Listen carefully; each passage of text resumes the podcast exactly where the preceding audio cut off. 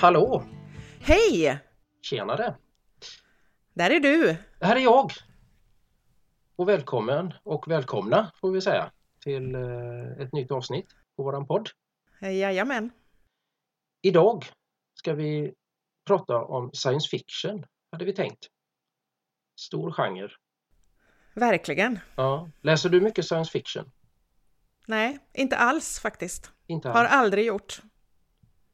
Ehm, och ehm, jag läser inte fantasy heller, förutom Tolkien. Ja, Som jag läser jättemycket, men ingen annan fantasy. Och ingen science fiction. nej. Gör du det? Läser du science fiction? Nej, jag insåg att jag, det var väldigt länge sedan. Jag hade en period.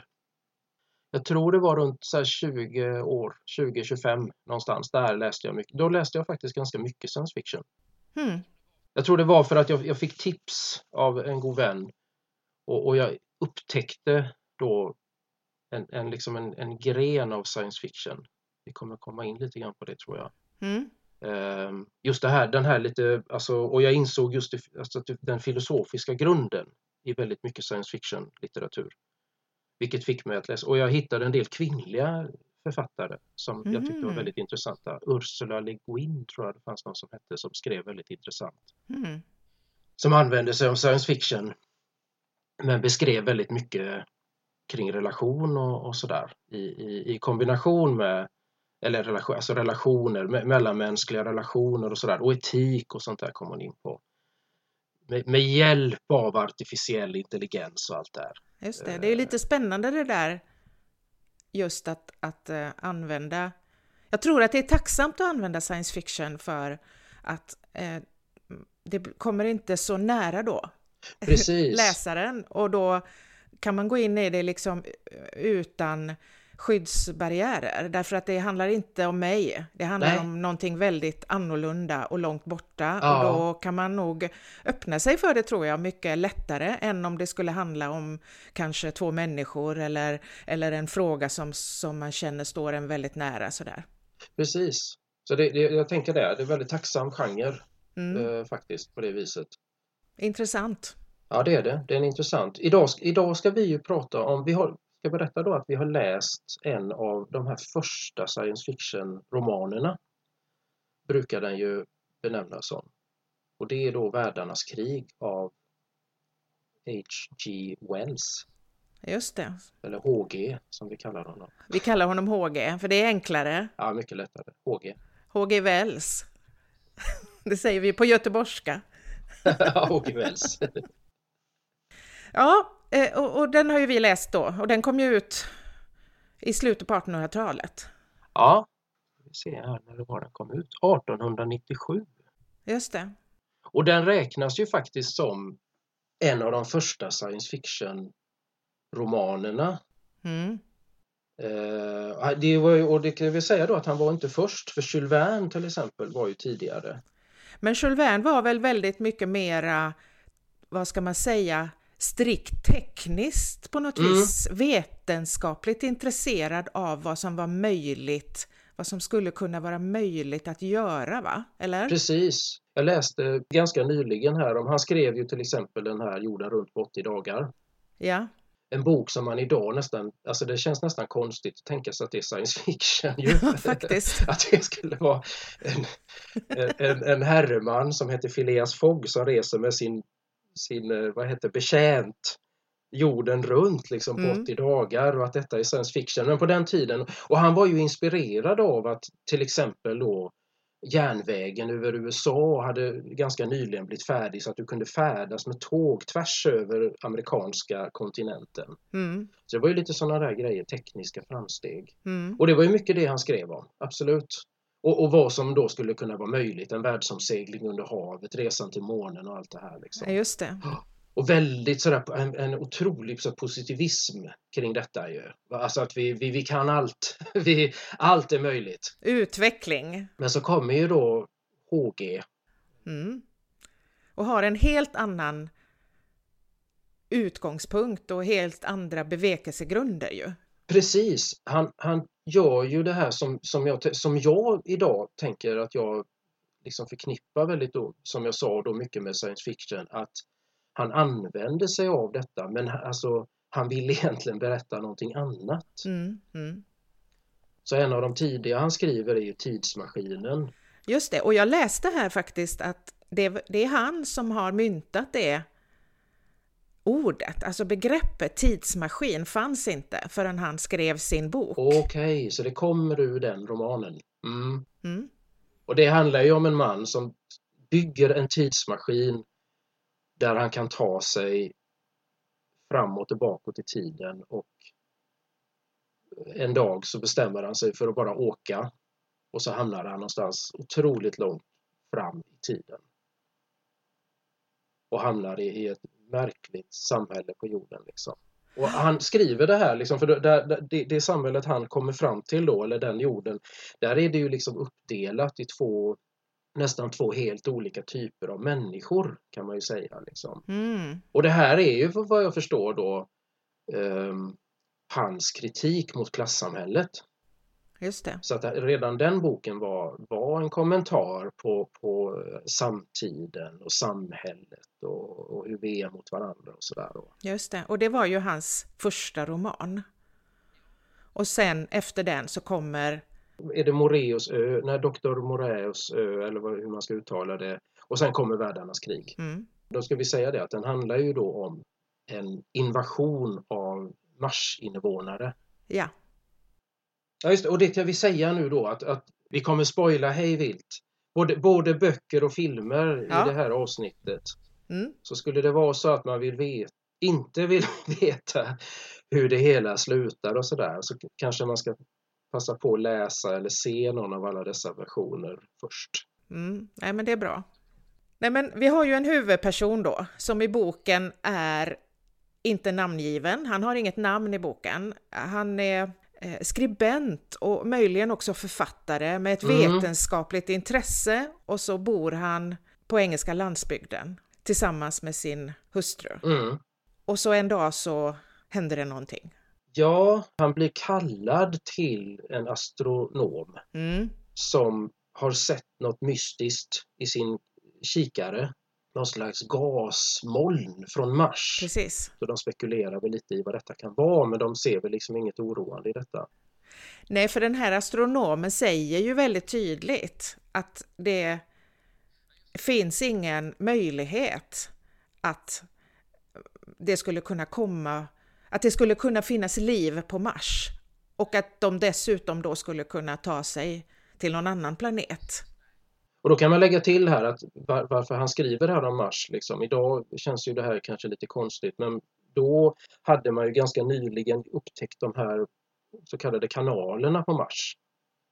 Så att vid den här tiden då när han skrev den här boken så hade man det, var, var, det blev, efter den här upptäckten så då plötsligt så uppstod ju det här liksom möjligheten att det fanns liv på Mars faktiskt. Så att den här tanken var liksom inte så främmande just under den här tiden. Nej. Men, men så tar det ju ett tag då, det går några dagar. Och eh, plötsligt då så, så får de se någon slags sån här ljusfenomen över himlen. Och så dundrar det ner en stor cylinder på jorden i närheten mm. av mm. London någonstans där ute på landsbygden där han då bor. På en stor allmänning liksom. Mm. Och först tror de väl att det är någon form av meteor va? Ja. Och sen eh, så hör de ju plötsligt hur det låter. Och så är det ju en ganska suggestiv lång tid när de hör det här att det är, de, skruvar, de skruvar av. Ja, det är ett lock de skruvar av. Och så kravlar det ju ut då marsianer. Och, där är han ju väldigt då, liksom realistiskt tänker jag. Liksom, att de här marsianerna då, Mars är en så mycket mindre planet än jorden så att de har ju svårt att röra sig här på jorden. Gravitationen är mycket högre här så att man kan tänka sig då att de, de liksom med lätthet tar sig fram på Mars. Men här kan de inte göra det utan här nu är, nu är de ju beskrivna då också som någon slags nästan oformliga klumpar som liksom någon slags stora huvuden med med ögon och, och långa tentakler som slingrar liksom och de, de släpar sig fram liksom på, på, på jordytan då för att de blir så tunga här. Och de är stor, ungefär i storleksordning som en björn, skriver han då i, i sin beskrivning då. Och hur de här marsianerna då kommer ut och, och där, och, där tror man ju liksom att jaha, men de här oformliga klumparna kan ju inte vara något större hot, tänker man sig då. Så det är ingen som direkt blir oroad mer än att man tycker att de ser äckliga ut. Mm. Men efter, jag vet inte efter hur lång tid, så visar det sig att de bygger ju stridsmaskiner då, de här marsianerna. Gigantiska, stora, som liksom går på tre ben eh, och, och, syns när de har rest sig, liksom så syns de så här långt över trädtopparna, så kommer de liksom gående och så och så är de ju, de har ju fasansfulla vapen, massförstörelsevapen har de ju. Ja, de har då svart gas som är liksom kvävande. Man kommer att tänka på så senapsgas och grejer, att det, det är liksom en sån där som är fullständigt förödande liksom. Har de inte någon sån här också som eh, eldstråle liksom, som bara bränner upp folk? Och den är i boken beskriven som någon slags låda som de här stora mm. då, de kallas då allmänt för tripoder, de här stridsmaskinerna. Uttryck som vi kommer jag säkert kommer återkomma till. Så det är bra att veta. Tripoder är liksom den allmänna beteckningen för de här stridsmaskinerna. I boken beskrivs det som att de här tripoderna har några tentakler, metalltentakler under sig liksom, som hänger under en stor, mm. någon slags metallkropp så att säga. I boken så, så är det en av tentaklerna som håller i en låda och som då liksom på något sätt sprutar ut sig den här ljusstrålen som, som bara då bränner upp allting. Liksom. Som ett swoosh bara, så är en människa borta, bara aska, typ. Exakt, den sveper över ett landskap och allt står i brand. Så, så att säga. Liksom. Så det är, väl, det är det första vapnet de, de möter då. Precis, och då är det ju så då förstås att de här stora hjärnorna, de här själva marsianerna, eh, sitter ju i de här stridsmaskinerna då. Och styr de här liksom och gör att de kan, kan röra sig väldigt snabbt. Det finns en beskrivning som den är lite svår att ta faktiskt för att den, och jag, jag, jag har försökt tänka liksom på, på, hur, hur han tänkte sig detta egentligen för att de är så enormt stora de här maskinerna. Och de liksom Samtidigt skriver han att de rör sig med blixtens hastighet och jag har så svårt att få ihop det här. va men de är väldigt snabba i alla fall förstår man. De är enormt stora men de är väldigt snabba. Men det måste ju vara det här du vet att, att de är så stora och har så långa ben så att det blir, du vet som sådana här sju stövlar, vet du. Att tar de ett steg så är de liksom tio mil. Exakt, ja men precis. Nej men det måste ju vara så han tänker där liksom. Att de är så enormt stora och det är de ju. Eh, för man tänker sig liksom att de verkligen tonar upp sig över ett samhälle. Långt där uppe ser man själva den här stridsmaskinskroppen, liksom. styrhytten eller vad man ska kalla det för då. Så att, ja. Eh, och, och den här eh, mannen då, huvudpersonen, han är ju där, där den första cylindern eh, föll ner. Här, här, första slaget mellan liksom armén och, och de här stridsmaskinerna står ju också här utanför på den här allmänningen. Och sen är ju så att säga kriget igång här.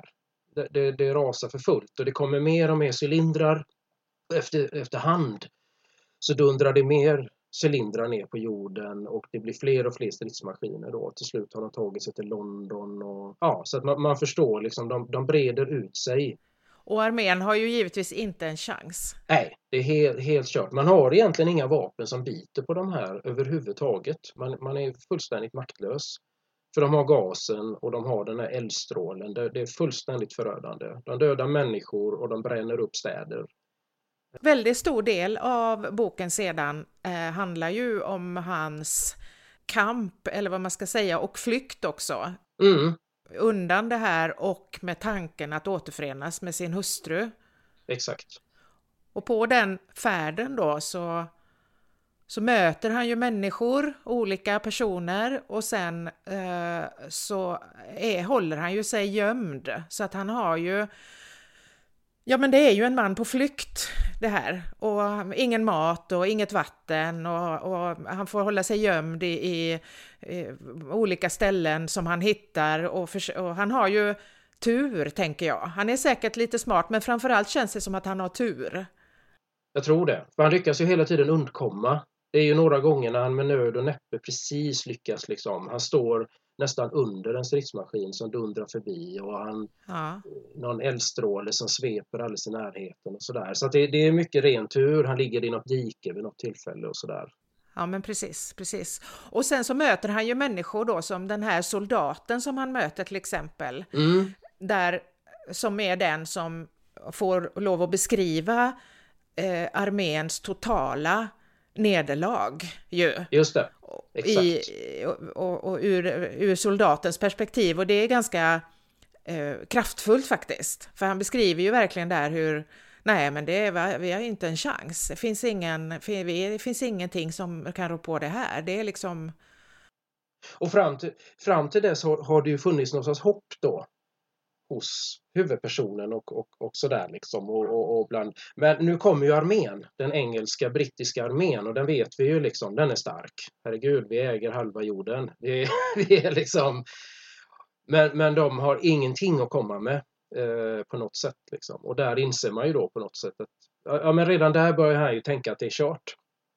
För vad har vi att sätta emot nu då? då? Ingenting faktiskt. De, de gör som de vill nu. Och sen under den här flykten då så får man ju följa hans, ja dels de människor han möter men också hans egna tankar. Ja, just det. Då kommer ju det här, eh, det här liksom och vem är jag nu? Vilka, va, vilka är vi nu? Vilka är, vad är, vad, vad är människor, människans status i detta när vi är, mm. vi är helt underlägsna? Och där har han ju det här resonemanget, visst är det här, där han, mm. där han liksom eh, tänker att nu är jag, jag är ett djur på flykt, precis som alla andra djur på jorden. Eh, och som alla andra djur på jorden har varit underlägsna människan mm. så länge så är jag nu, då är människan underlägsen de här nya herrarna som där vi inte har, vi har inte en chans. Vi har, vi har nya herrar på jorden. Precis, vi är lika lite värda för dem som myrorna är för oss. Just det. Eller andra djur liksom. Men just det där med myrorna har jag fastnat för. Va? Att han har någon... Han har en liknelse där eh, som han funderar på. Ja. ja, där man liksom, ja men inte tänker jag så mycket på att jag förstör ett helt samhälle när jag sätter ner foten i en myrstack. Exakt.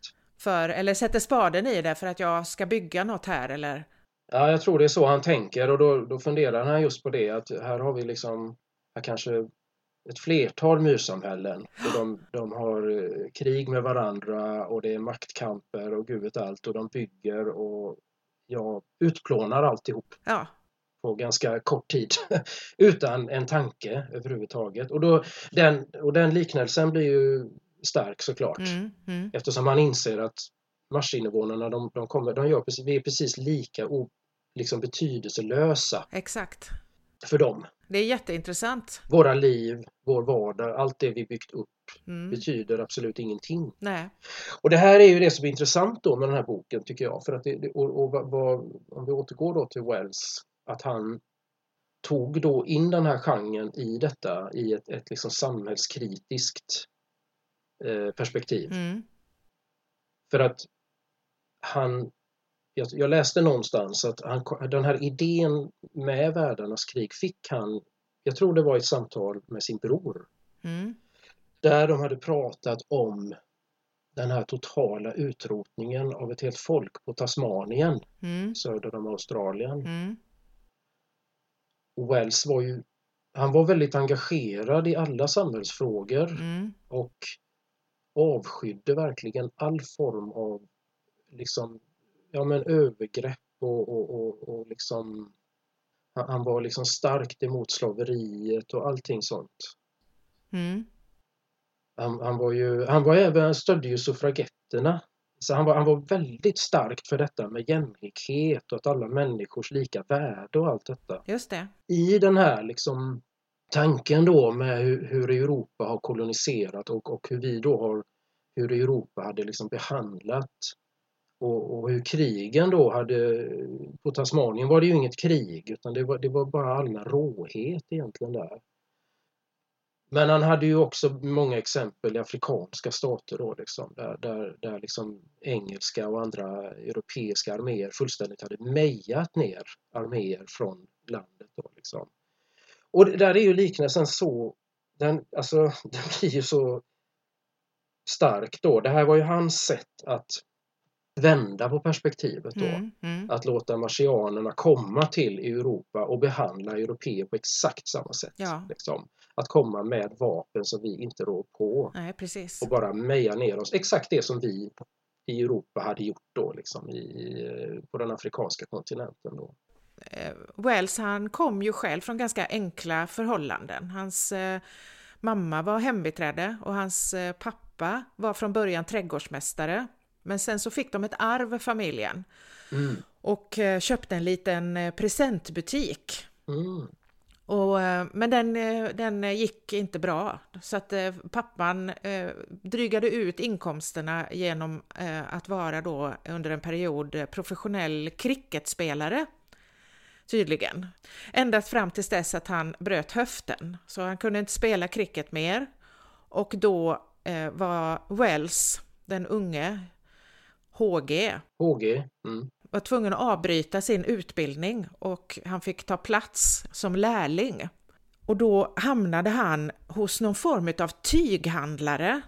jag förstår att det här är någon större äh, sammanhang, för de är många lärlingar. Mm. Och han jobbade, då 13 timmar om dagen, jobbar lärlingarna i den här tygbranschen. Och så sov de i sovsal. Mm.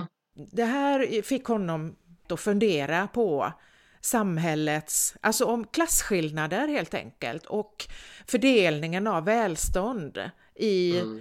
eh, det här England där han levde då eh, under en väldigt eh, eh alltså en period av växande välstånd ju. Mm. Hur mm. fördelas detta välstånd? Vilka är det som får välstånd och vilka får det inte? Och någonstans här, när sen fick han möjlighet att börja eller så, ja, återuppta sin utbildning då. Och när han kom då till The Normal, The Normal School of Science och där han studerade biologi så, så eh, gick han med i debattklubben och han var väldigt tydlig med att han ville förändra samhället. Och då är det, det är intressant att han skriver Tidsmaskinen det första han gör för att då, det är ju precis detta han beskriver om det här framtida samhället där mm. två olika klasser av människor, liksom en, en klass lever ovan jord ja. i någon slags ja men lite paradisisk tillvaro liksom. De jobbar inte, de gör ingenting. De bara är där och tittar på fåglar och blommor och äter gott och det, det, det är någon slags sån här, ja. Mm. Och så undrar han ju naturligtvis, han går ju där och undrar var, var får de mat ifrån och vad, hur, vem, vem bygger deras... De ser inte ut att ens kunna bygga de här människorna för de är lite lite klena tycker han och småväxta liksom. Inga muskler liksom.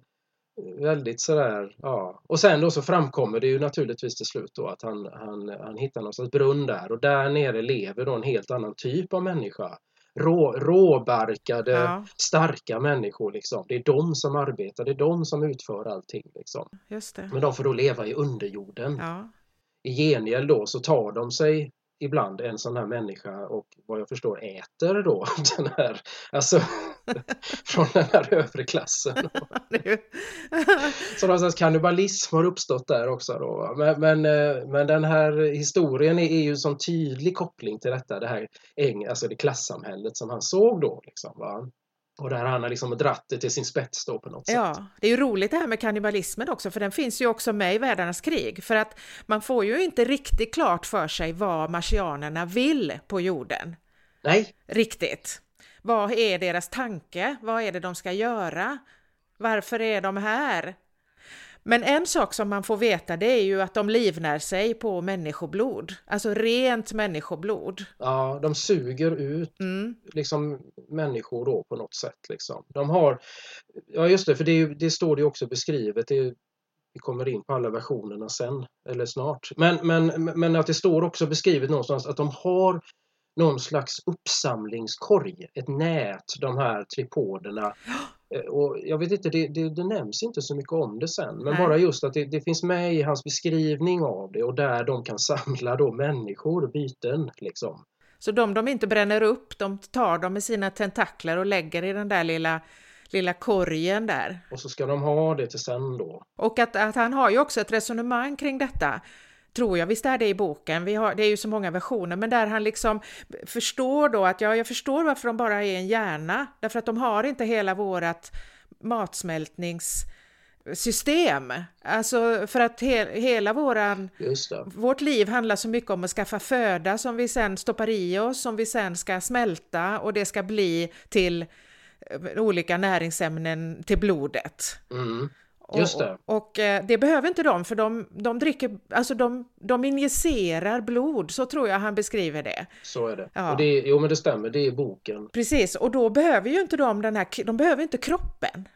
Nej, Nej, för den är ju mycket till för att, att, de, att, ja, att äta och omvandla mat. Så det är också ett, en spännande Mm. tanke, tycker jag. Att de är bara liksom stora hjärnor. mm. Ja. Som kan ta sig fram säk- säkert väldigt bra på Mars. Jo, man kan ju tänka sig det. Och så har de alla de där tentaklerna som Mm. gör lite som, jag tänker mig det som liksom långa händer på något sätt. Så Ja. de verkar ju väldigt skickliga då. Och liksom, bygga saker. Och, Att bygga och de är liksom ingenjörer. Och, och, och eh, liksom finmekanik och sånt där. Ja, liksom. men precis. De, eh, ja. Så det är precis det de behöver. Liksom. En stor hjärna, ögon, mun och eller mun, de har någonting som ser ut som en mun skriver han väl. ja, Eh, lite, De andas väl troligtvis bör den ju göra. Ja, det måste ju vara något sånt, Ja, så ja. för att den pulserar lite, den här skälvande V-formad mun. mm. Men sen kommer ju han, ja sen träffar han ju prästen, det är ju också, det är ju intressant. För prästen, Just det. Ja men det, då kommer ju de här resonemangen om meningen. Vad är meningen med det här? Varför händer det här? Mm, Vad är det, vad, vad är det frågan om liksom? Och den där prästen han, ja man förstår ju att Wells kanske inte har någon jätte stor, han är inte jätteimponerad av präster. Den känslan får man väl va? Eller vad säger du? absolut, för att här han får liksom ingen som helst tröst av den här prästen. Nej, Vilket man kan tänka att, man, att om man hade haft en förtröstan i, i, i eh, religionen och, och, och, och prästen att prästen kanske skulle kunna liksom förklara det här på något sätt. Men det kan ju inte prästen på något sätt utan han blir ju istället tvärtom. Han blir helt förvirrad fullständigt. och, och, och, och, och, går helt inne i, i tankarna om vad har vi gjort, vad har vi gjort, har vi, vi måste ha syndat då liksom. Mm. Det är någon slags straff det här. Men mest är han egentligen bara fullständigt förvirrad. Han äter upp maten fastän att han är på, på han om och om igen. Vi måste ransonera, kära du, för att annars kommer vi inte överleva det här. Och prästen bara För de har ju fastnat i ett de, hus. de sitter i, i, i ett hus där, någon slags ruin, fallfärdigt hus och de hittar lite mat där inne Ja. och han försöker liksom få prästen liksom att förstå att det här är vår enda chans till överlevnad. Vi kan inte gå ut nu. Det har dessutom landat en cylinder direkt utanför huset. Så de har ju marsianer precis utanför sig. Precis på knuten liksom. Alltså han inser det och prästen i sin totala panik och förvirring bara äter, han bara vräker i sig mat. och, han, och skriker och lever där så han, han, han är så trött på den här prästen alltså. Och det slutar ju med att han, att han slår ner honom. Han slår ner honom till slut för han inser att nu, han kommer röja oss här liksom va. Han tar någon köttyxa, det låter ju hemskt, men han slår han med skaftet. och Så han blir medvetslös. Precis. Så det, det, och, precis, man kan ju se det ur, ur Wells synpunkt. Så det här är ju inte så, alltså det är ingen sån jättetrevlig bild av prästerskapet om man säger så. Nej. Nej. liksom en frossande vettvilling där som skriker och väsnas och finner ingen tröst alls liksom i, i, i sin gud eller någonting på något sätt. Liksom, va? Och sen, och, och visst är det väl där han också ser hur marsianerna äter, alltså ta, ta, tillgodogör sig blodet. Är inte det precis i den scenen? Jag tror det är där han inser för att när han har klubbat ner prästen så efter ett tag när han har, gömmer sig också och någon tentakel som är där inne och letar inne i huset då. Och sen ser han ju hur tentakeln drar ut prästen. Mm. ur huset.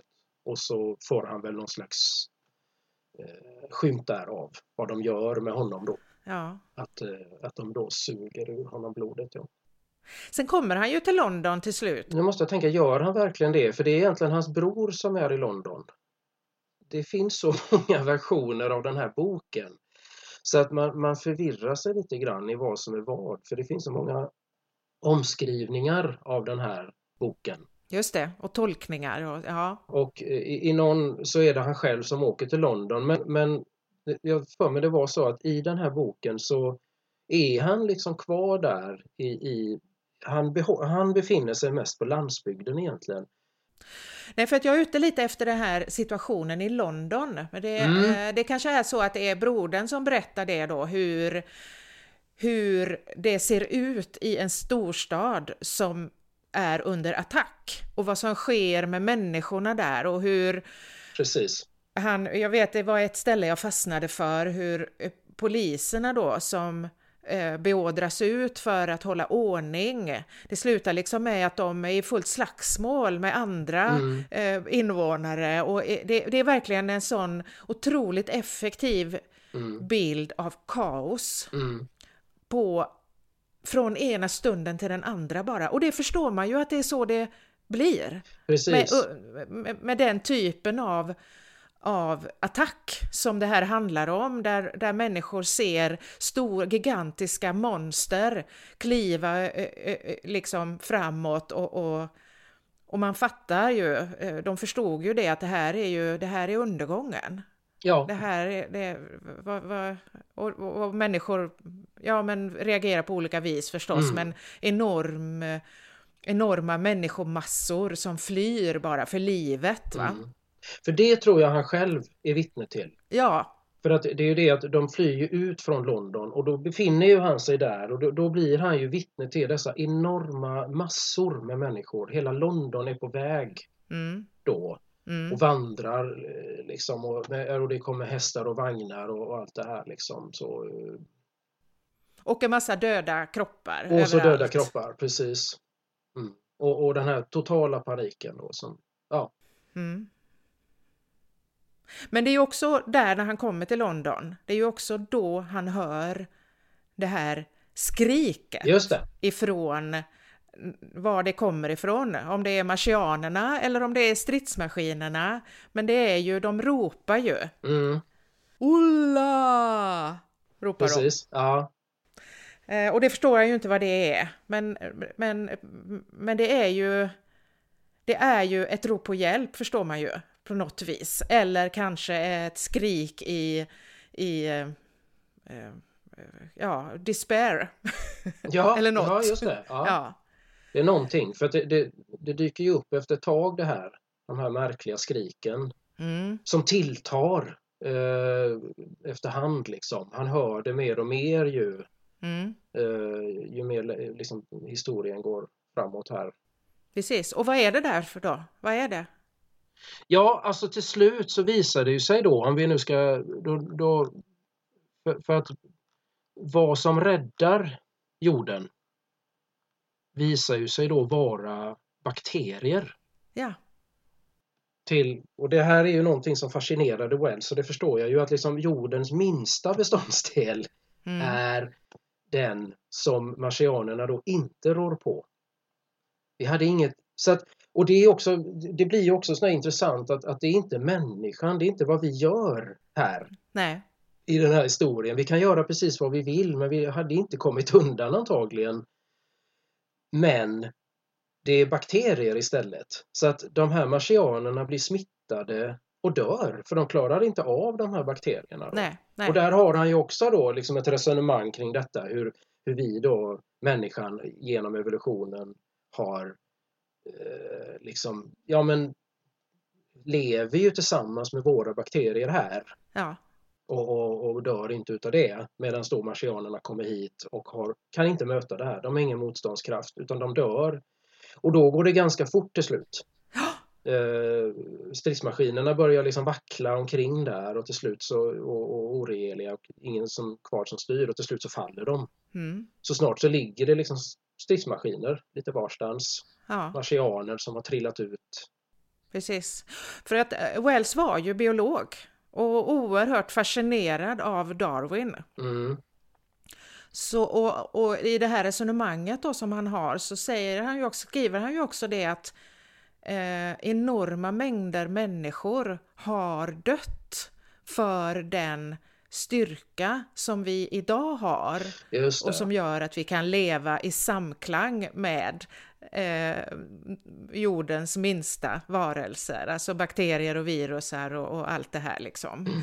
Eh, och jag tycker att det här är så fascinerande Eh, och det är ju extra fascinerande just nu kan jag tänka, när vi är Definitivt. precis i en, en situation där vi har en ny slags virus som vi måste, ja, kanske lära oss att, att leva med, som ska på något vis inkorporeras i våra system.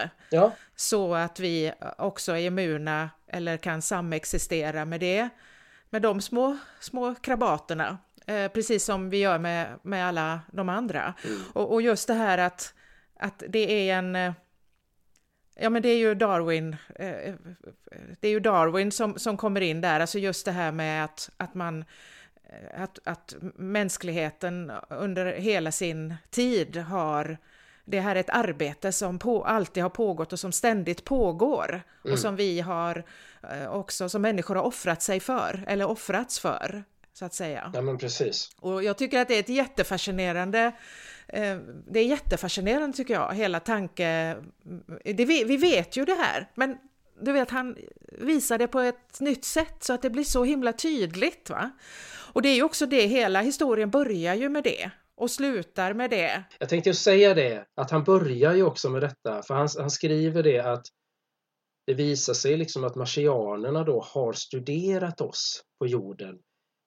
Och då liknar ju det likt en, en forskare som studerar en vattendroppe. Ja, under ett mikroskop. Ja, med alla dess små mikroorganismer och bakterier och allting. Liksom då? Mm. Att de, de har tittat på oss på samma sätt ja. innan de började då liksom genomföra sin invasion. Ja, men precis. Det är en snygg koppling där eh, mellan liksom början och slutet som han gör där. Mm ska vi gå in, vi har nämnt nu lite grann om, om tolkningar mm. och, så. Eh, vi kanske ska gå in på det och nämna några stycken eh, tolkningar, eller hur? Vi får göra det. Vi har, vi har berört lite sådär, lite i alla fall. Eh, det är ju så här att den här boken då, jag var inne och kollade då på Wikipedia såklart. Mm. och kunde räkna samman att den här romanen då, den har genererat i alla fall vad jag förstår 62 stycken då produktioner. Ja. Kanske 69 om man vill räkna in sådana här som är lite gränsfall kanske, som kanske är mer inspirerade än vad det är tolkningar. Det är lite svårt ibland att säga eh, vissa sådana här vad som är vad. Men jag skulle säga om jag förstod i alla fall 62 stycken tolkningar som faktiskt är baserade på historien. Det är väldigt många. Det är det. Det är, jag tror nio stycken filmer har det gjorts. Eh, varav två stycken då är, är biofilmer. Mm. Mm. Till exempel då. Va? Det är lite fascinerande alltså vad den här historien då, vad den har genererat. Jag kunde inte låta bli att fundera just på vad eh, om det finns några andra liksom, romaner som har gjorts i så många versioner mm. sen då. För det här är ju då vad som är roligt med den här också för att visst film är ju, är ju det vanligaste sättet men den här har ju dessutom genererat musikaliska versioner och den är, det är radioprogram och det är eh, det är tecknade serier och så att det är inom så många olika genrer liksom. Eller, eller form som, mm. som det har tolkats då. Och jag vet inte om jag liksom eh, jag kommer ju att tänka på, vi pratade ju sist där när vi, vi kommer att tänka, jag kommer att tänka på så här Romeo och Julia då till exempel. Ja, Shakespeare överhuvudtaget kanske. St Stormen som har gjorts i massa olika, Hamlet, Romeo mm. och Julia. Mm.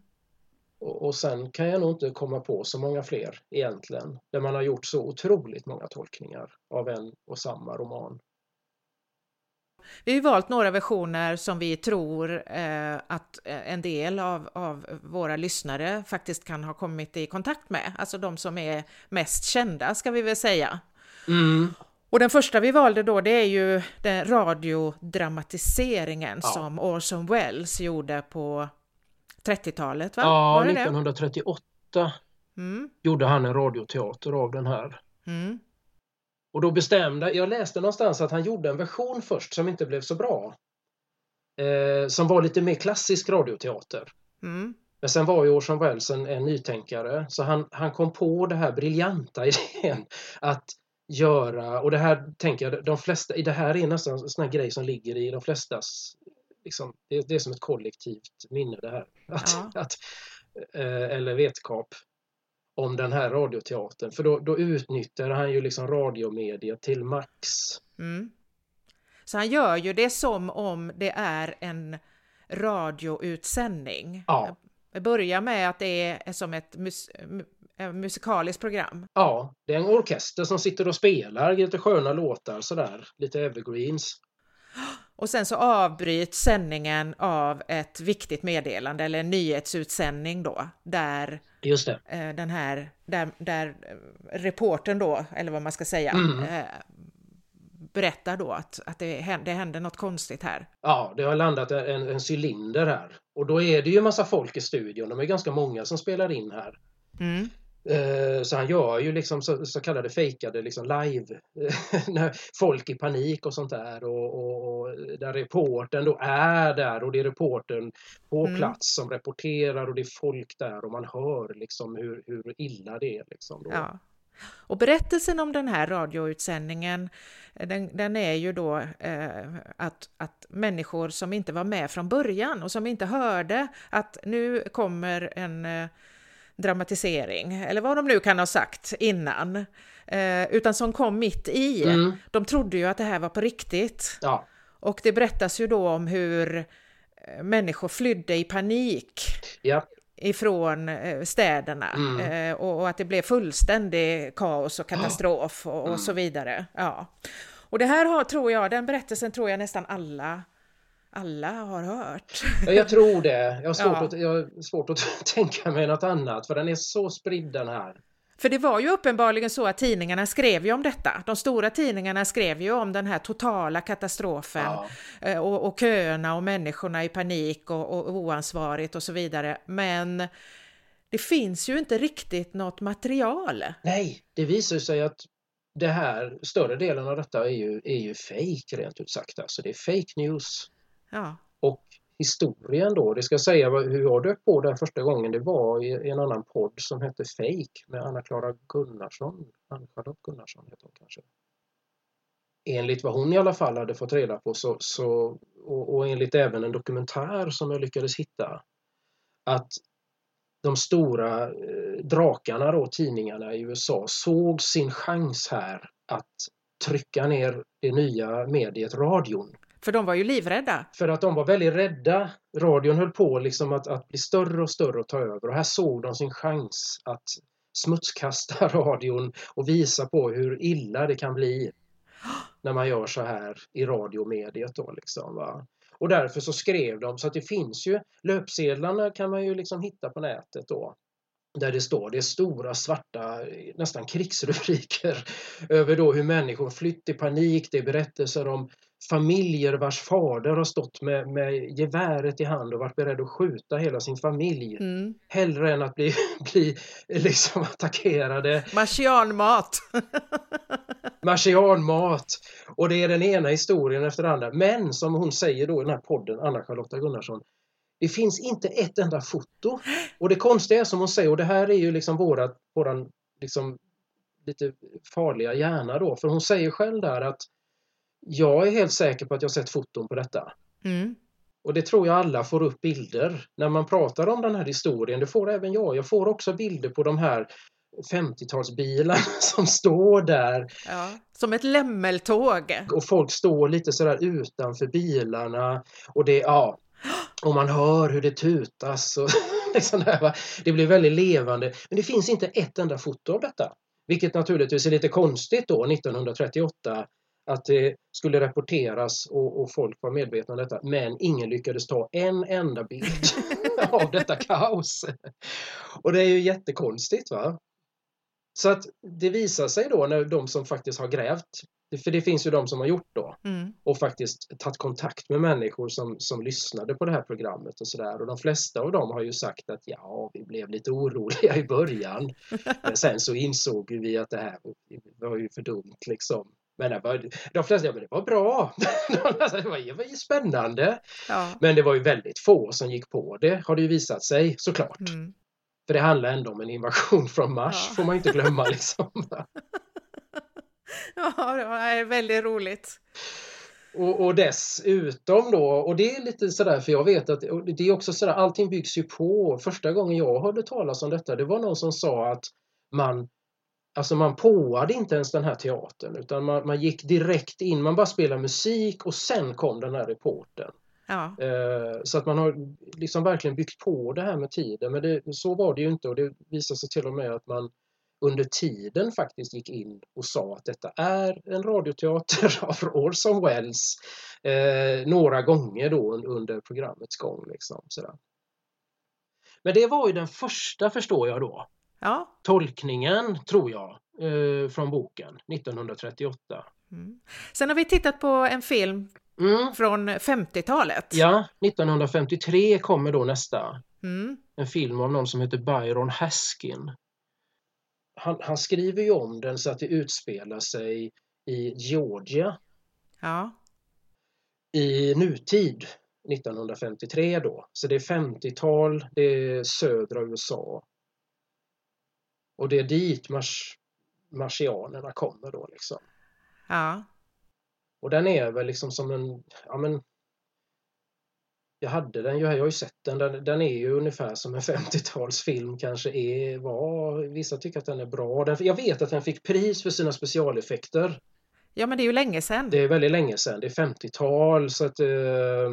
Det blir väldigt roligt att titta på den idag med till exempel så, så eh, eh tar de ju fram atombomben tänker ja, de sig. Exakt. För det, är, det här är ultimata vapnet mm. eh, då som då, då, då har de ju liksom försökt allt.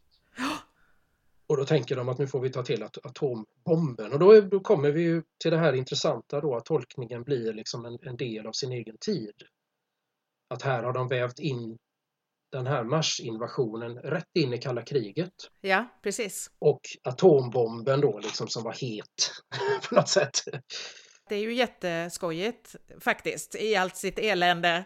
Alltså det är en sån fruktansvärt rolig scen detta då, när de väl faktiskt smäller av den här. Ja, när de har byggt upp sandsäckar. Alltså jag, jag, när jag såg det så tänkte jag på sådana här amerikanska propagandafilmer som visades, informationsfilmer så kallade då, mm. I, i USA. Där, där liksom folk liksom uppmanades att lägga sig under bord och så. I, i, utifall då signalen, larmet gick om atombomb. Och det här är ju en lite liknande scen då liksom där, där de sitter bakom sandsäckar med någon slags här mörka solglasögon. Och så ser man liksom atombomben där borta. Ja. Där, nu, nu smäller vi av atombomben. Ja. Och, så, och så sitter de där allihopa lutade mot sandsäckarna och liksom tittar där mot atombomben. Ja, och så smäller atombomben och så, och så är det en soldat som ramlar ner från ett lastbilsflak va? Ja, för det kommer ju en sån där vindstöt då. Ja, och då, det är ju som man tänker, ja vi vet ju den här, alltså, tyvärr så, så har vi ju kunskaper om den här tryckvågens liksom verkningar och där mm. får de liksom en vind som då på sin höjd blåser av en soldat från ett biltak. Det är ungefär det mest dramatiska som händer då förutom att det yr sand över dem. Liksom. Det är ungefär det då. Liksom. Så det är en väldigt, väldigt ganska komisk och väldigt sådär förmildrande liksom, bild av atombomben får man ju säga då. Så att säga. Men naturligtvis så biter inte atombomben heller utan nej, där, nej. där, har de ju liksom eh, hållit sig till historien då såklart. Utan de här, när rökdammet och allt det här liksom skingras så kommer ju de här tripoderna då. De svävar för övrigt i den här filmen. Ska Ja, hur ser de ut? Hur ser de ut? Alltså, de, jag skulle säga att de ser ut, man kan tänka sig som rockor Om man tänker sig en sån där djävulsrocka som simmar Ja. i havet. Eh, fast med någon slags eh, liten grönaktig lampa istället för ansikte. Mm. Så att de, de liksom svävar fram. Ja. Marsianerna då, hur ser de ut i den filmen? Ja, de, de, de har ju, där har de fullständigt frångått och det här, det här är ju så spännande då i de här versionerna hur de har lyckats gestalta de här. Alltså det här är en jättekonstig varelse. Jag, jag vet inte riktigt ens vad jag ska likna den vid men den, ibland tänker jag liksom att när, när Steven Spielberg sen skapade E.T. så tänker jag att kanske har han tittat lite på den här. Du, det var precis vad jag tänkte när du skickade den bilden till mig. För att den är lite lik. Det är alltså en kropp som i stort nästan inte har några ben.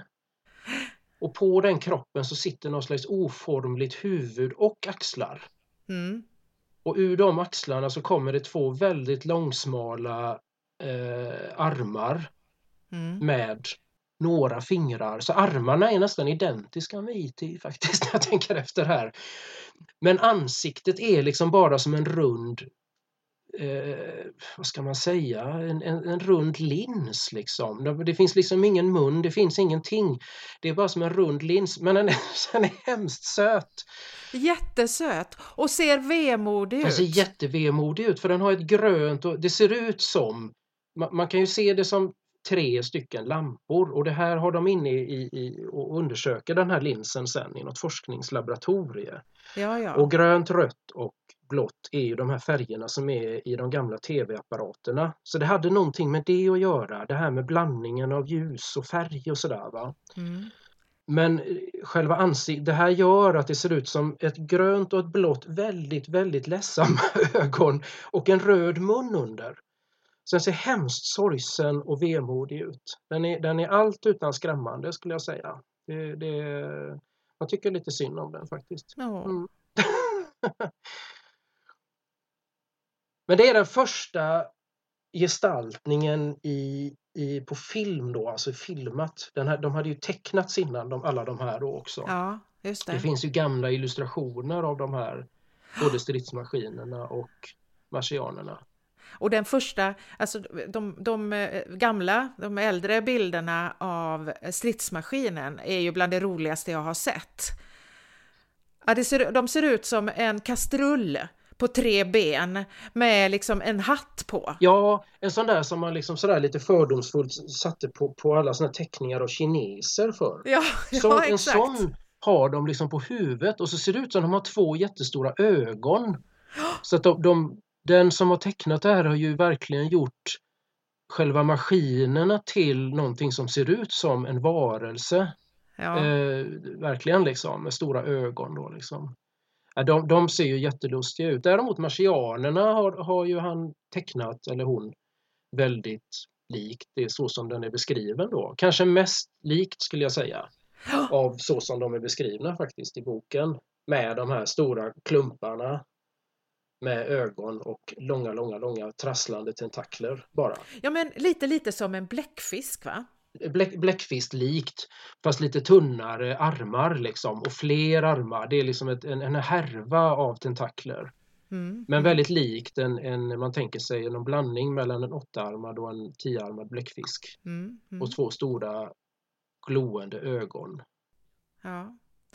Men du, om vi hoppar då eh, typ 20 år framåt så kommer vi till 1978. Exakt. Då kommer en musikalisk version av detta. Mm. Och den här plattan då av en kompositör som heter Jeff Wayne.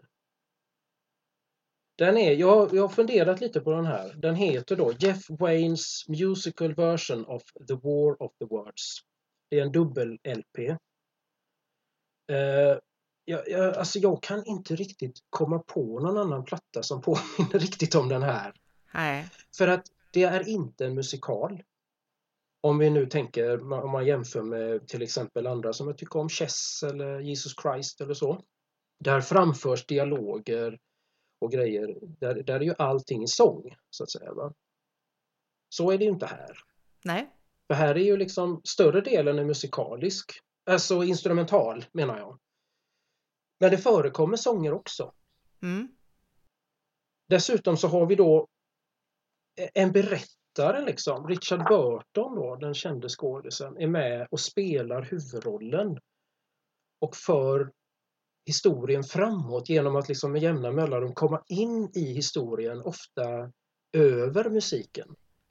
Och då berättar han ju, då använder han ju texten från boken. Just det. Men inte hela naturligtvis, utan utdrag mm. ur boken som han berättar då i den, så att det blir en dramaturg. Alltså, det är ju så otroligt snyggt. Jag kan inte, jag måste bara få säga det på en gång, att jag tycker så mycket om mm. den här plattan. Vi kan, vi kan, Älskar vi kan, den här. Vi kan göra klart det med, med en gång. Ja, att ja. Det, här, det här är så bra. Det här är det, det, vi har ju konstaterat att det här är ju både, liksom, vi båda har detta som en av våra favoritplattor ja. verkligen. Liksom, va? Alltså jag återkommer ständigt till den här skivan. Ja. För att den är så fruktansvärt bra. Alltså.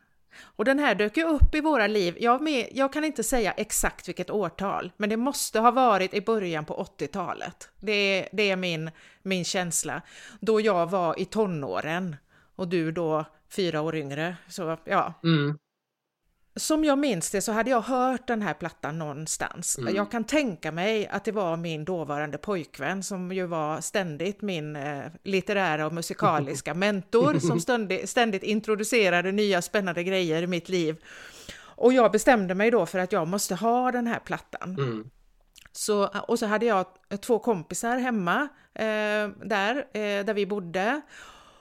Och av någon anledning så så beställde jag plattan av dem, eller av en av dem. De hette Patrik och Tore, det kan vi ju säga på en gång. Och jag tror, om jag minns rätt så beställde jag den här plattan via Tore. Jo.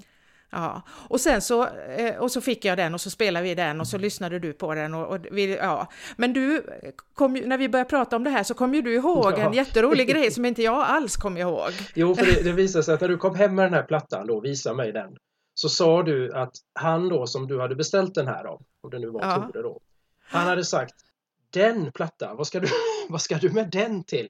Det är alltså samma låt på en hel skiva. en dubbel-LP dessutom. Så en dubbel-LP, det är liksom två timmar av samma låt. Han, han, han, han, förstod, han kunde inte alls, förstod jag på dig då, han fattade inte vad det var. Vad ska du med den till? Ja, det är så fruktansvärt roligt detta. Va? Och jag, jag, jag tänker på det här ibland när jag lyssnar på den och det är klart att om man är väldigt snabb Uh, nu pratar vi om LP här liksom va. Så att om man liksom är snabb då och gör en snabb genomlyssning och flyttar pickuppen sådär med jämna mellanrum. så kan jag ju tänka mig för att den här skivan då som är, jag vet inte, men säg att den är, den är kanske inte riktigt två timmar, men nästan. Ja. Den har ju, den är ju uppbyggd precis så som en gammal komposition. En, en riktigt sånt där klassisk liksom. Va? Mm. Så den har ju precis så, den har ju ett antal teman som återkommer. Just det. Och därför kan jag tänka, jag ser ju hur han sitter där, nej men herregud.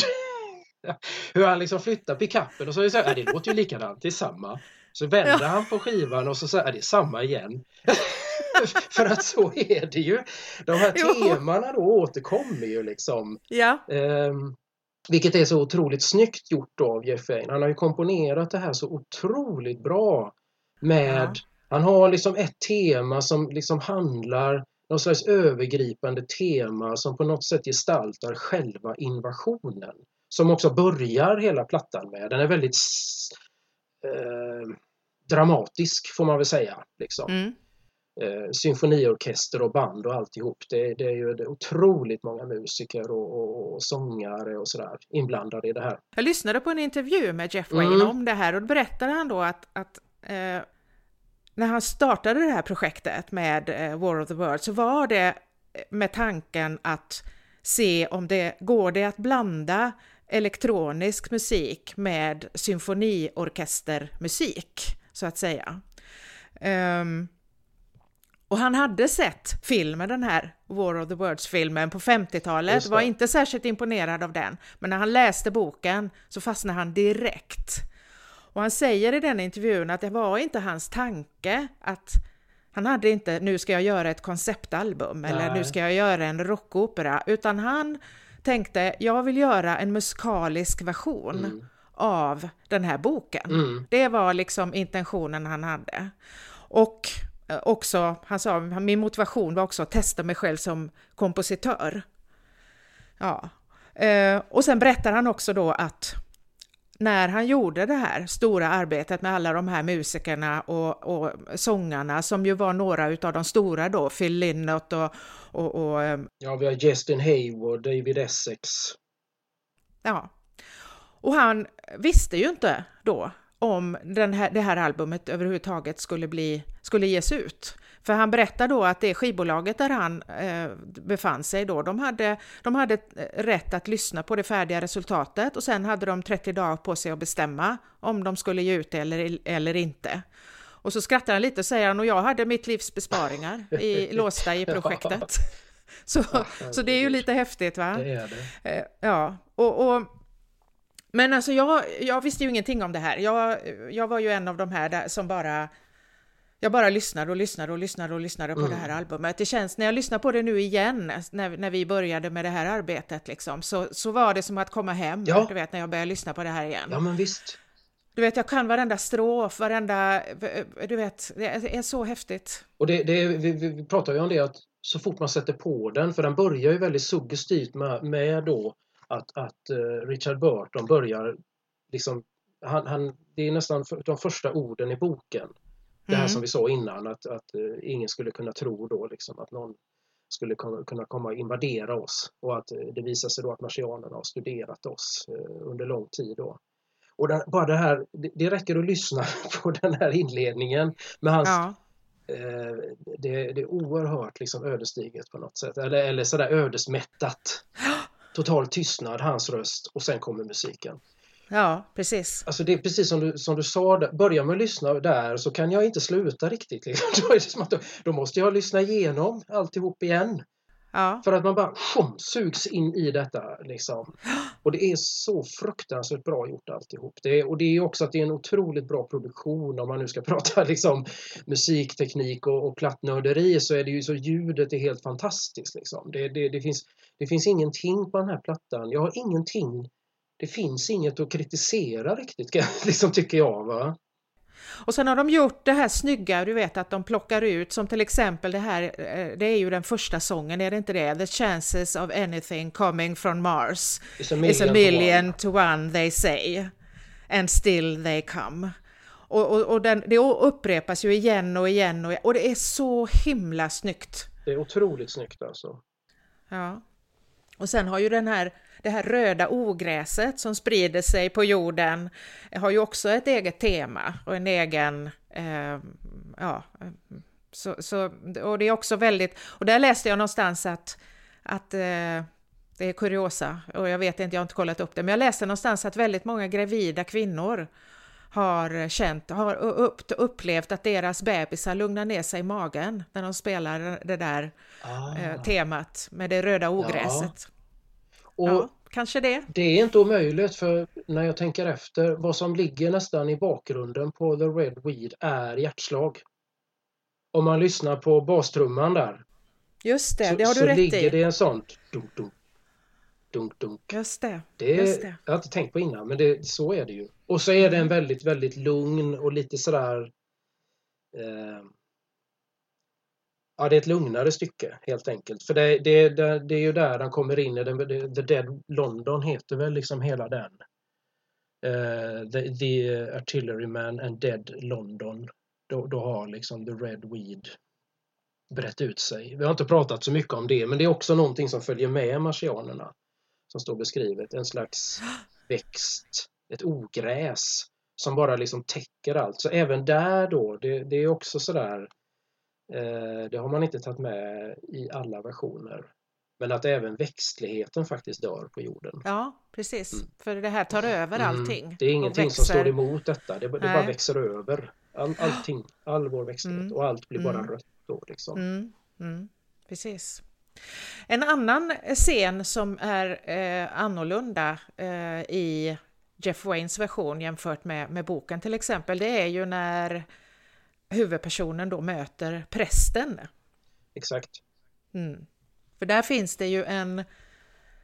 Han möter ju mycket riktigt en präst och där har också skrivits in en fru, en hustru Mm. till prästen. Ja. Men här möter vi ju en helt annan präst.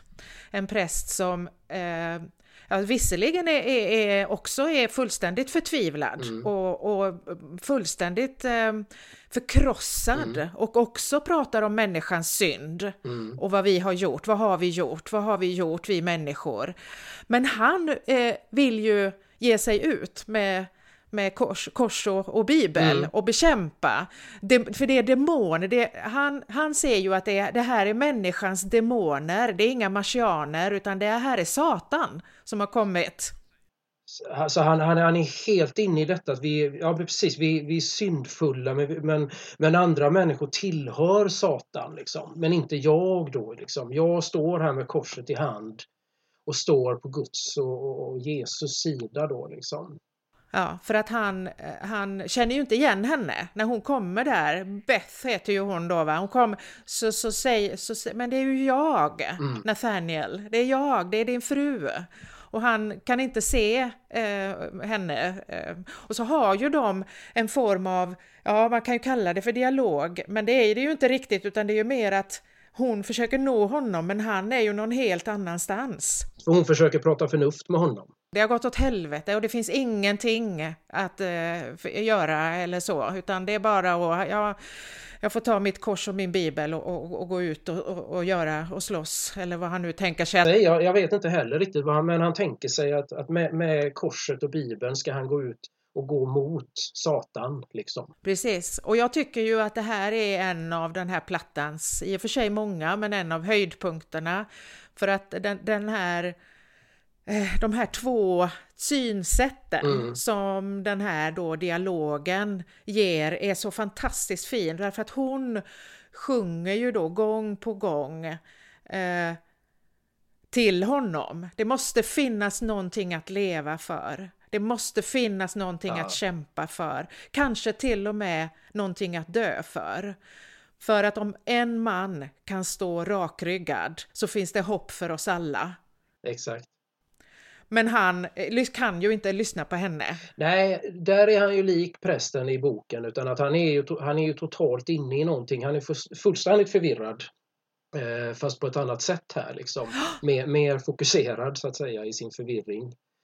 Eh, och blir ju dödad till slut då liksom. Som, Och hon också och väl? hon, hon blir dödad först. Och jag, jag, det slår mig att just den här finns ju då inte i boken.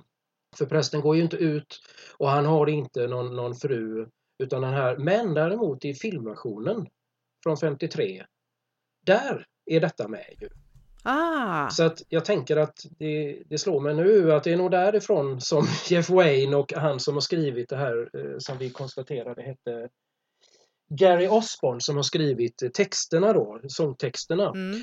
Att, att eh, de kan ha använt sig av detta. För där är det nämligen också en präst, de sitter i en bunker och innan det här liksom debaclet med, med atombomben och det så, så står prästen där också så med en bibel, tror jag bara, inte ett kors men en bibel och så säger han jag ska ut, jag ska gå ut och prata förnuft med dem. Det måste gå, tänker han. Liksom. Jag måste kunna i godhetens tjänst. Eh, så. Eh, så han lämnar bunkern och går mot dem och blir naturligtvis nedskjuten med en gång. Men, men, men det är som att han liksom Jeff Wayne har liksom dramatiserat den här scenen. Mm. Så att den blev mycket bättre måste jag ju säga. Den är, det, jag tycker det är en av höjdpunkterna verkligen. Det är det. Och jag tror sådär om, om man söker på den så tror jag att det, det är, om man nu kan prata om någon hit, så är det detta, den sången är den som har lyfts ut då. Kanske också för att det är den sången som går att lyfta ut kanske på, på ett någorlunda vettigt sätt då. Men det är också en sång som jag vet att jag har stött på människor som har hört, som för övrigt inte har hört plattan och som kanske inte riktigt ens vet var den kommer ifrån. Nej, just det. Men som har hört precis just den låten. Och, och Phil Lynott är det ju som spelar prästen där ska vi säga. Och hans röst gör ju väldigt mycket till detta. Hans enorma liksom, dramatik i, i eh, han gestaltar den här prästen väldigt, väldigt bra. Det är fantastiskt. Ja, eh, eh, lite motvilligt Ja, lämnar vi nu Jeff Wayne och kommer då till, nu ska vi se, kan det ha varit 2006 va? eller 2005. Nu hoppar vi ett tag här ja. Mm. Och då är det, då är det Tom Cruise. Steven Spielberg sätter tänderna i detta verk. Ja. ja, vi kan väl säga på en gång att vi är inte jätteförtjusta i den här versionen. Alltså det är lite av ett spektakel faktiskt. Den, eh, den utspelar ju sig i USA. Ja, nutid. New York tror jag till och med. Och det är ju en actionrulle. En typisk Tom Cruise actionrulle och inte ens han är inte ens särskilt bra. Han kan ju vara väldigt bra, alltså Tom Cruise. Men här är han inte särskilt bra. Han eh, spelar inte bra här. Eller så har han fått väldigt dålig regi, men han, han eh, jag vet inte vad det är. Han, spelar dåligt faktiskt, rent ut sagt. Det gör han. Han springer omkring och stirrar. Och ser hård ut. Ja, och sen så har de gjort det till ett familjedrama Mm. där han, han är någon slags eh, han är knegare. Jag vet inte vad han jobbar för, jag kommer inte ihåg. Men han är skild, de har separerat, han har, ingen, och han har ingen kontakt riktigt med sina barn. Han har liksom ingen relation till barnen. Hon har, hon har gift om sig. Ja, då ska hon ha, han ska ha dem en helg Ja, precis. och han känner dem inte. Och när, när han har dem där eh, så, så då händer detta, då kommer marsinvasionen. Ja, och så handlar ju hela filmen egentligen om, om den här invasionen och hur han kämpar eh, för att hålla sina barn levande. Ja, och i detta då liksom så, så på något sätt då så lite klassiskt då så närmar ju han sig sina barn då, eller de rättare sagt närmar sig honom också. Att de liksom finner då tillit till honom, så här, vilket de ju inte har då. För de litar ju inte ett dugg på honom då, för det, det får man ju i början reda på att han är ju en slarver liksom. Han kan inte hålla tider och han kan ingenting liksom. Han, han är ja, opolitlig. Den här scenen då finns med här också där de befinner sig i ett hus. Jag tror den är med i nästan alla versioner, kanske inte den musikaliska. Precis, och här har ju soldaten och prästen fått, fått, fått bli en, en person som man, som man inte riktigt får klart vad han håller på med eller vem han är. Men han är där, han har gömt sig där och han... Och han är förvirrad och han har framtidsplaner och han har, Mm. jag tror han har, precis, han, han får gestalta allihop. Han får även gestalta Mm. den här Artilleryman som har den där visionen om att de ska Leva i underjorden det har vi inte pratat så mycket om, men, men den finns med i boken också. Att han har en tanke om att de, det finns ju ett tunnelbanesystem och så vidare och det finns ett avloppssystem. Vi kan leva där nere liksom om de tar över. Och det här är, får ju han också gestalta. Så alltså, han är precis, han är allihop faktiskt. Ja. Det är ju lite roligt när du säger det, för då, då skulle det ju bli precis som i den där eh, den här eh, tidsmaskinen, där det lever, där marsianerna lever där uppe och sen så lever det människorna i underjorden. Det är ju jättespännande. Det är sant, det finns en, ja, det har jag inte tänkt på men det är en ren koppling där till, till tidsmaskinen faktiskt. Ja. Ja, ja. Nej men och där kommer ju då det som egentligen då enligt liksom romanen så ska det ju bara komma in en tentakel och söka i huset. Men här kommer ju en tre, fyra marsianer in i huset och går omkring och undersöker och tittar och lyfter på saker och sådär. Och det är ju någon slags magra trebenta varelser som eh, eh, verkar inte ha några som helst bekymmer med att röra sig för de rör sig väldigt lätt. De studsar omkring där och hoppar och, och liksom sådär. Så där har man ju helt frångått den här tanken om att de skulle behöva maskiner för att röra sig. Men sen har de ju de där stora, eh, gigantiska. Men så har de jätte, jättestora maskiner liksom. Men, men jag tänker att den här versionen kan vi ju nästan... Det är många som har sett den. Den är nog den, jag kan tänka mig att det är, det är den vanligaste, att det är den som är mest känd. Men vi, vi har inte så mycket att säga mer om den. Men så kommer vi ju till Den sista versionen ja, som vi ska ta upp, det är ju en eh, eh, BBC-producerad version som kom 2019. Den ligger ju på, på ström, strömming, strömmingstjänst, heter det inte. Men det är bara för att jag, ja, jag är från Göteborg. Det, det, det är sill och, det, ja, och så vidare. Va? Det heter strömming och sill. Det heter strömming, vi säger strömming. St- strömmingtjänster, nej men där ligger den ifall man kan söka upp den.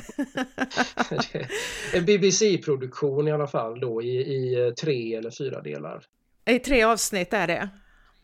Och den är ju lite spännande. Där har man ju ändrat väldigt mycket. Mm. Wells huvudperson har fått ett namn. Eh, han heter George. Och han eh, lever tillsammans i BBC-serien med Amy. Och de är inte gifta. Det finns en problematik. Hela serien börjar med en relationsproblematik därför George har lämnat sin hustru och flyttat ihop med Amy som han har träffat och han är journalist. Och hon är någon form av... Visst är hon någon typ av forskare? För att det, det, är på så sätt som hon har kontakt med han som ser ja. det här på Mars och allt det här. Alltså astronomen och det här. Så hon är liksom inne i de här kretsarna och forskar och akademiker. Och de bor då tillsammans i det här lilla samhället. Mm. Det händer ganska mycket innan själva marsianerna kommer. Mm. Hustrun till George då vill inte skilja sig och George bror är oerhört arg på George för att han har lämnat sin fru. Och George är alltså gift med sin kusin. Så att det finns liksom, här får man ett ganska klart liksom relationsdrama. Mm. Att de är paria i det lilla samhället där de bor. Därför att de bor ju tillsammans utan att vara gifta. Och det ska vi också säga att, att det här då är en version som plockar tillbaka den igen. Inte riktigt till den tiden som boken utspelar sig. Utan här befinner vi oss någonstans i 1920-30-talet istället. Mm, precis. Så att det, det, är den ena delen då, att, att mm. alltså starten är helt annorlunda. Och, och, dynamiken är annorlunda därför att det är genom Amys ögon som vi följer hela förloppet. Mm de skiljs åt ett, ett kort tag men och hittar ju tillbaka till varandra. Eh, för att han skickar ju iväg henne när marsianerna väl har kommit eh, så skickar ju han iväg henne och säger eh, åk till min bror i London. Just det. Ja, och, hon, och de hittar en häst och hon rider iväg och han stannar kvar. Ja, för de hamnar på ett varsin sida av en explosion. Så att de skiljs åt och hon kan inte göra så mycket annat än, än att bara rida. Liksom. Han skriker åt henne, fly bara liksom. Och hon, eh, så hon rider ju och hon hittar ju då hans bror och söker upp honom och, och, och, och skapar ju ändå, trots att de har meningsskiljaktigheter, han tycker ju inte alls om henne då, så, så får de ju någon form av, eh, mitt i kaoset där, kontakt va, och, och följs åt. Mm och flyr mot havet, mot kusten, för de tänker sig att det måste finnas båtar som går, vi måste ta oss härifrån. Och där återförenas ju George och Amy där på, på stranden helt enkelt, där hon sitter i en båt, är på väg därifrån. Och sen så, så ser ju hon honom och så... Hon hoppar av ja, och springer tillbaka igen, ja just det, så är det. Och återförenas. Och sen försök, är de ju en grupp med flera personer som liksom försöker att, att uh, överleva i allt det här då och möter ju eh, marsianer och, och, ja, vi behöver ju inte spoila för mycket, men George överlever ju inte, men Amy överlever. Precis. Och sen finns det ju en slut, ett slut på, som är helt, också helt annorlunda än alla andra versioner, där man, får, kom, man kommer då till, ett, ett, ett, till en värld, en röd värld, där Amy då lever tillsammans med sin och George son som väl kanske är 9-10 år någonting eller så. Mm. Eh, och där man förstår att det föds inga barn. Ogräset har tagit över allting. Det är en kamp för överlevnad. Det finns ingen mat. Alltså det är en oerhört en, sån här... Eh, ja, men det är en sån här. Den ingår i, i den här dystopi, eh, apropå science fiction då. Det är ju en egen gren Precis. den här dystopi liksom, genren då. Det här, den hamnar ju här liksom faktiskt efter krigstiden här då, efter den stora katastrofen. Och, och myten då är ju ändå att att människorna eh, på något vis besegrade marsianerna. För det finns ju en historiebeskrivning liksom att, att eh, det stora kriget och att vi överlevde men världen är skadad för alltid. va. Och sen kommer ju den här eh, Ogilvy då, den här astronomen då, mm. eller vad man nu, eh, vetenskapsmannen, han kommer ju så möts de där och där kommer de underfund med det här med bakterier. Vad var det egentligen som dödade marsianerna? Tänk om det var det här? Och så får man ju, finns det ju, det slutar ju i någon slags hoppfullhet. Ja, det gör det. Och det är väl som att marsianerna är döda men, men just den här The Red Weed, att det är den på något sätt, den fick de aldrig bukt med utan den tog över hela jorden. Och det som är lite roligt med den här, och det tog ett tag innan jag insåg det, men så hittade jag en intervju med eh, författaren bakom BBC-serien, han heter Peter Harness heter han. Och eh, då berättar han liksom att det var väldigt viktigt för honom att kvinnan inte bara skulle, för i alla versioner har hon varit någon som man liksom packar undan någonstans. Och så får inte hon vara med Nej. i hela förloppet. Och då så sa han att han, jag, jag ville göra någonting annat mm. istället. Så han har helt enkelt plockat eh, delar av HGs eget liv. Så han har gjort, han har gett huvudpersonen, alltså journalisten i den här eh, versionen mm. då va, eh, kallar honom för George. Och det är ju en av HGs namn, för han heter ju Herbert George Wells. Mm. Och Amy är den kvinna som eh, HG alltså gifter sig med ja. när han har lämnat sin fru Isobel som faktiskt var hans kusin. Så, så han gifte sig med Isobel som var hans kusin och sen träffar han Amy eh, som är en av hans studenter och förälskar sig i henne och de, han lämnar sin hustru och lever tillsammans med Amy då. Eh, så att där har man ju liksom plockat in hans eget liv och han bodde också där i den här, eh, på den här lilla orten då. Ja, de bodde där tillsammans liksom. Eh, så det var ju lite roligt, för jag fattade först inte, vad är, är det här rena fantasier tänkte jag, var har de fått det här ifrån? Men det var det ju inte. Jag hade inte en aning om detta, det var jättespännande. Ja. Att det blir berättelsen om HG själv också i, i liksom det här då. Ja, för det, det, var ju faktiskt, ska jag säga, den då serien som fick igång mig i Världarnas krig-vurmen som vi nu har befunnit oss i. Den hade liksom både och. Jag, jag, tyckte verkligen om det här, liksom att det fanns... Jag gillade nog det här att man hade fört in det här mera då dramat mellan de här två personerna, huvudpersonerna då. Och jag tyckte verkligen om att den var förlagd då i en tid som påminde mycket mer om bokens tid. Så att den hade liksom verkligen, sen fanns det ju delar i den som jag inte gillade då, som jag tyckte att de hade misslyckats också då. Det, men det är mer sådana där, det är ju framförallt då, egentligen är det väl eh, själva eh, marsianerna själva då, när de väl ja. kommer fram. Där, där har de ju gjort en väldigt konstig grej får man säga då. För att, ja, de är ju inte trovärdiga. Nej, det är inte trovärdigt alls. Och det, det, är, det är ju så synd då, för att alltså Alltså det ser ut som en människa. Det ser ut som kroppen på en människa fast utan ansikte. Det finns ett huvud men inget ansikte riktigt. Nej. Och så har man liksom vritt upp armar och ben bakåt.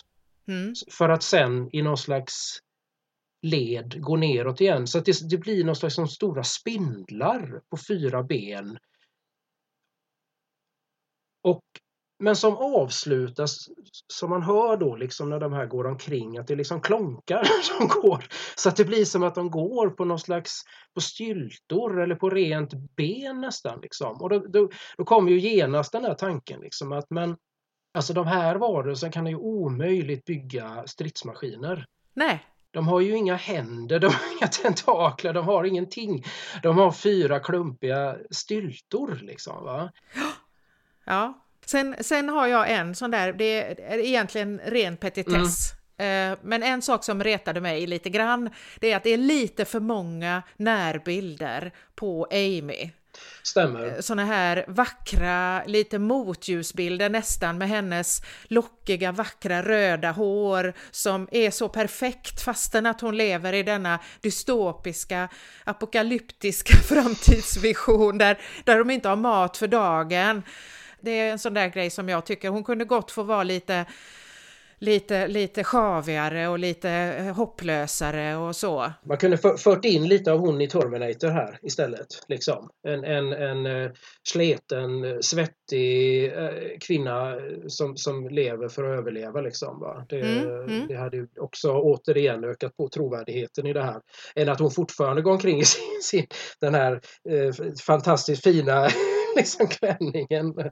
Som, behåller, som håller sig genom hela, hur, hur är det möjligt liksom? Ja. Nej men och den som blir nyfiken tycker jag ju absolut ska leta. Vi kommer att, att publicera ett stort antal länkar till olika ja, klipp och, och, ja, men, ja, dokumentärer och allt möjligt liksom. Absolut. Men om man ska liksom prioritera, om vi ska hjälpa till att prioritera någonting så skulle jag nog säga Eh, är man en läsare så läs absolut boken för den är... Ja, definitivt. definitivt. Den, är, är, den är värd att läsa och den är ganska lättläst och man fastnar lätt i, i den så att säga. Eh, men annars är det ju BBC-serien mm. och framförallt då eh, den musikaliska Jeff Waynes mm, version. Mm. Både den finns ju på Spotify så att man bara kan, om man vill, man kan lyssna bara helt enkelt på musiken. Men så ligger ju också hela den liveversionen i sin helhet på Youtube och eh, med, rätt så bra. Eh, alltså jag vet inte om det är en officiell inspelning eller inte, men det är bra.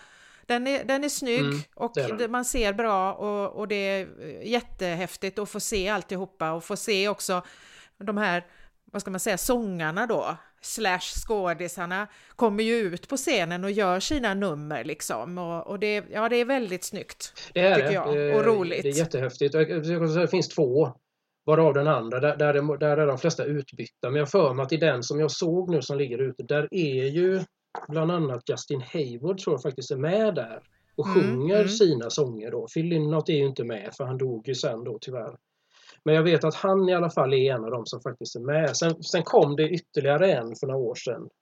Och där är det helt utbytt. Eh, så. Och då, men har man å andra sidan inte hört plattan så kanske man inte stör sig på det. Jag tycker ju det blir jobbigt men har man inte plattan som grund så tror jag att det är en jättebra version det också. Ja. Så det spelar antagligen ingen roll om man inte har en relation till, till just eh, originalskivan där då. Jaha du! Ja, det var, det var världarnas krig det.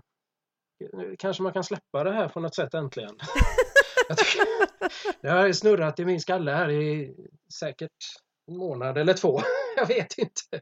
Ja, man blir alldeles besatt av det här faktiskt. Ja, ja, men det är verkligen så. Det är roligt, det är kul att vara besatt, som Ulf Lundell sa någon gång. Men, eh, ja. men eh, det, är också, det är också skönt att lämna det. Jag märker ju mer och mer här liksom att den här podden börjar liksom få den här effekten. När man går in i någonting och så spelar vi in och då är det liksom att ah, nu, nu kan jag gå vidare. Det är väl som så det är. Men du, innan vi slutar, ska inte du, ska inte du fråga mig om vi har fått några, någon respons på våran uppmaning att skriva texter utifrån våran, du vet? Precis. Jag tänkte ju det, att jag skulle fråga dig om vi har fått in några text, texter utifrån vår förra podd där vi pratade om att skriva texter utifrån eh, lyrik och dikter. Har vi fått in något? Det har vi faktiskt. Och, och jag, eh, jag tänkte så här att vi, vi ska spara lite mm. på, det, på det där för att eh, jag tror att det är fler grejer på väg in mm. faktiskt.